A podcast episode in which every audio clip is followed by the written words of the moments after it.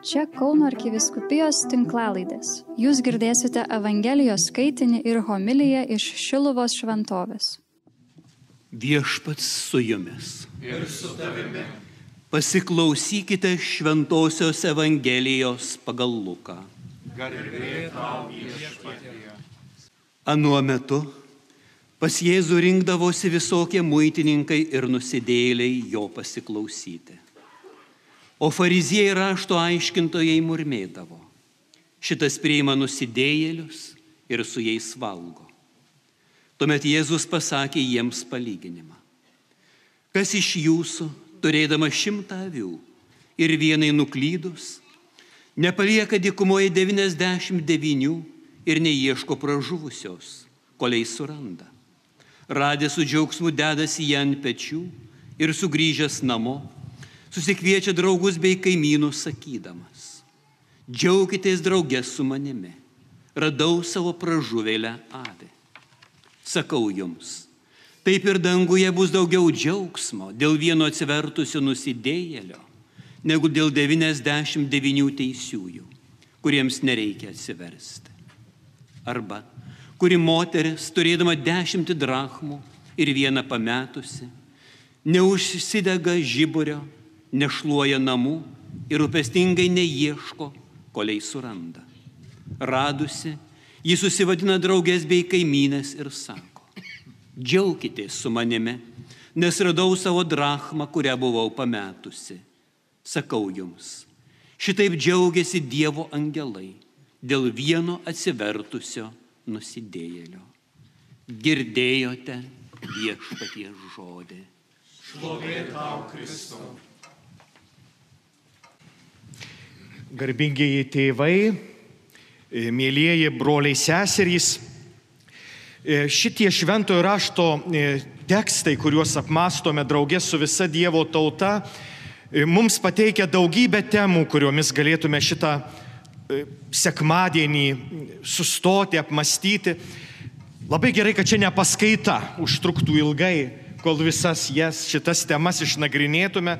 O čia šventė ir pasiimkim tik tai, kas galėtų dar daugiau suteikti mums šventės ir įnešti šventiškumo į mūsų kasdienybę ir į mūsų šventes.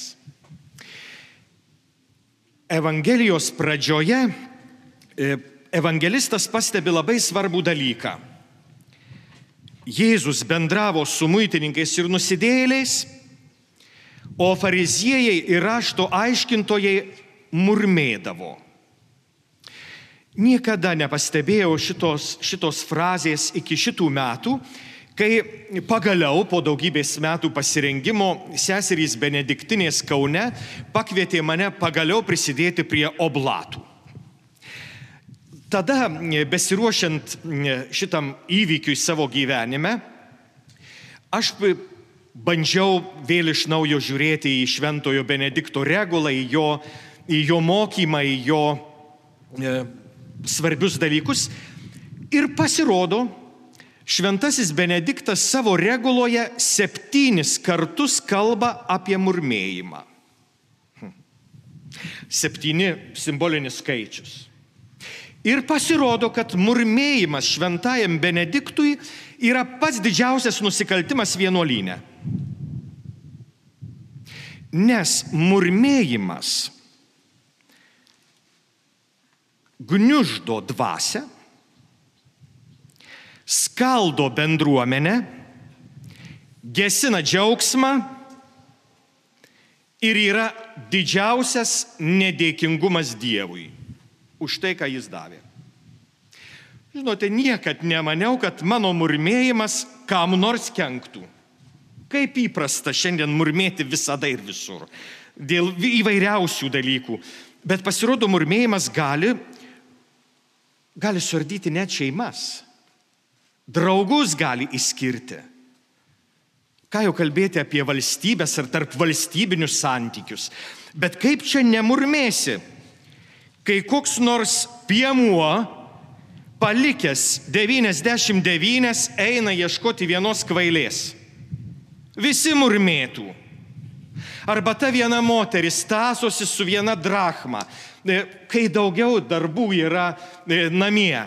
Jie rūpinasi vieną kažkokią pamestą drachmą, vienu mažyčiu pinigėliu. Taigi turi kitus. Visi murmėtų. Ir Jėzus štai pasakodamas apie gerąjį ganytoją, kuris ieško šimtosios savies kažkur nuklydusios, ar, ar apie moterį, kuri šluoja visus namus, kad tik surastų tą mažytį pinigėlį, nors turi daugiau. Štai jisai pasakoja apie Dievą, kad Dievas būtent šitaip elgesi, būtent Dievui šitaip rūpi. Ir jeigu kam nors norėtųsi murmėti prieš Dievą, kuris rūpinasi kiekvienu, net labiausiai nusidėliu žmogumi, mes sakytume, esame prieš Dievą. Pirmasis skaitinys iš išėjimo knygos mums šiandien pateikia e, Dievą,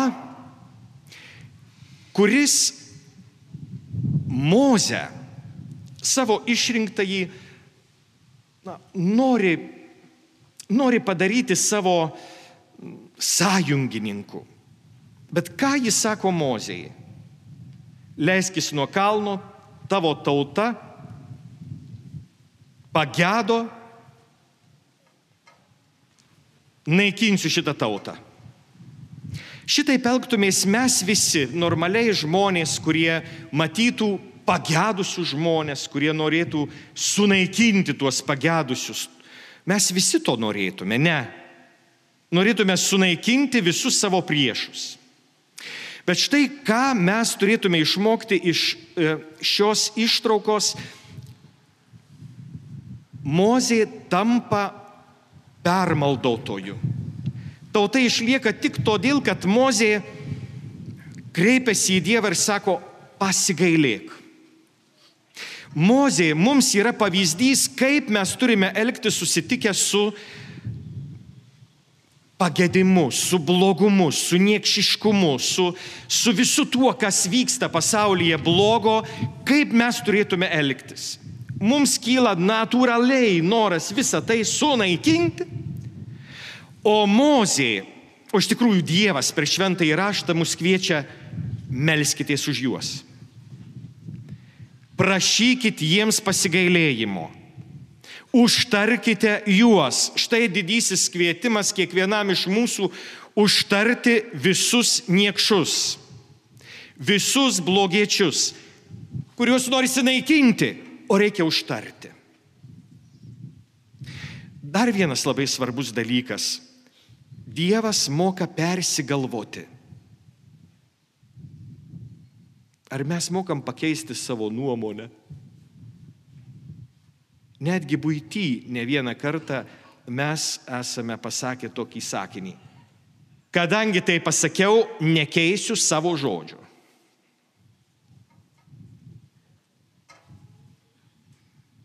Dievas gali pakeisti savo žodį. Žmogus ne. Dievas pajėgia pakeisti savo sprendimus. Galbūt mes turime mokytis irgi pakeisti savo sprendimus. Tai kas, kad jie yra ypatingi? Kiekvienas mūsų sprendimas yra pats ypatingiausias, ne? Ir štai dar vienas pavyzdys, labai svarbus mums visiems, kaip atrodo tas, kurio pasigailėta. Ir tai yra paštolas Paulius. Jis šiandien pasakoja apie save kaip apie tą, kurio buvo pasigailėta. Reiškia, jis kažkada buvo niekšas, priešas, kurį reikėjo naikinti. Bet Dievas jo pasigailėjęs padarė didį šventąjį ir mūsų apaštalą, jeigu mes šiandien krikščionys, tai dėka apaštalo Pauliaus. Nes sako, jeigu ne jis, Jėzaus žinia nebūtų išėjusi iš e, žydų sampratos. Bet štai jis pajėgia padaryti milžiniškus dalykus su Jėzaus žinia, ją atneždamas iki žemės pakraščių. Bet štai šitas apaštalas Paulius e, išmoko mus labai svarbaus dalyko. Apaštalas Paulius nebuvo pirmas, kurio buvo pasigailėta. Bet jis sako, aš esu pirmas, kurio buvo pasigailėta. Mums reikia išmokti pirmą pasakyti, kad Kristus gimė dėl manęs. Kristus mirė dėl manęs ir manęs pirmo pasigailėjo. Šitokiu būdu mes sueisim į kontaktą su Jėzumi, kuris yra ne pasaulio gelbėtojas, bet ir mano gelbėtojas. O kažkas dar yra pasakęs, kad gelbėti pasaulį reikia pradėti nuo manęs. Taip te būna.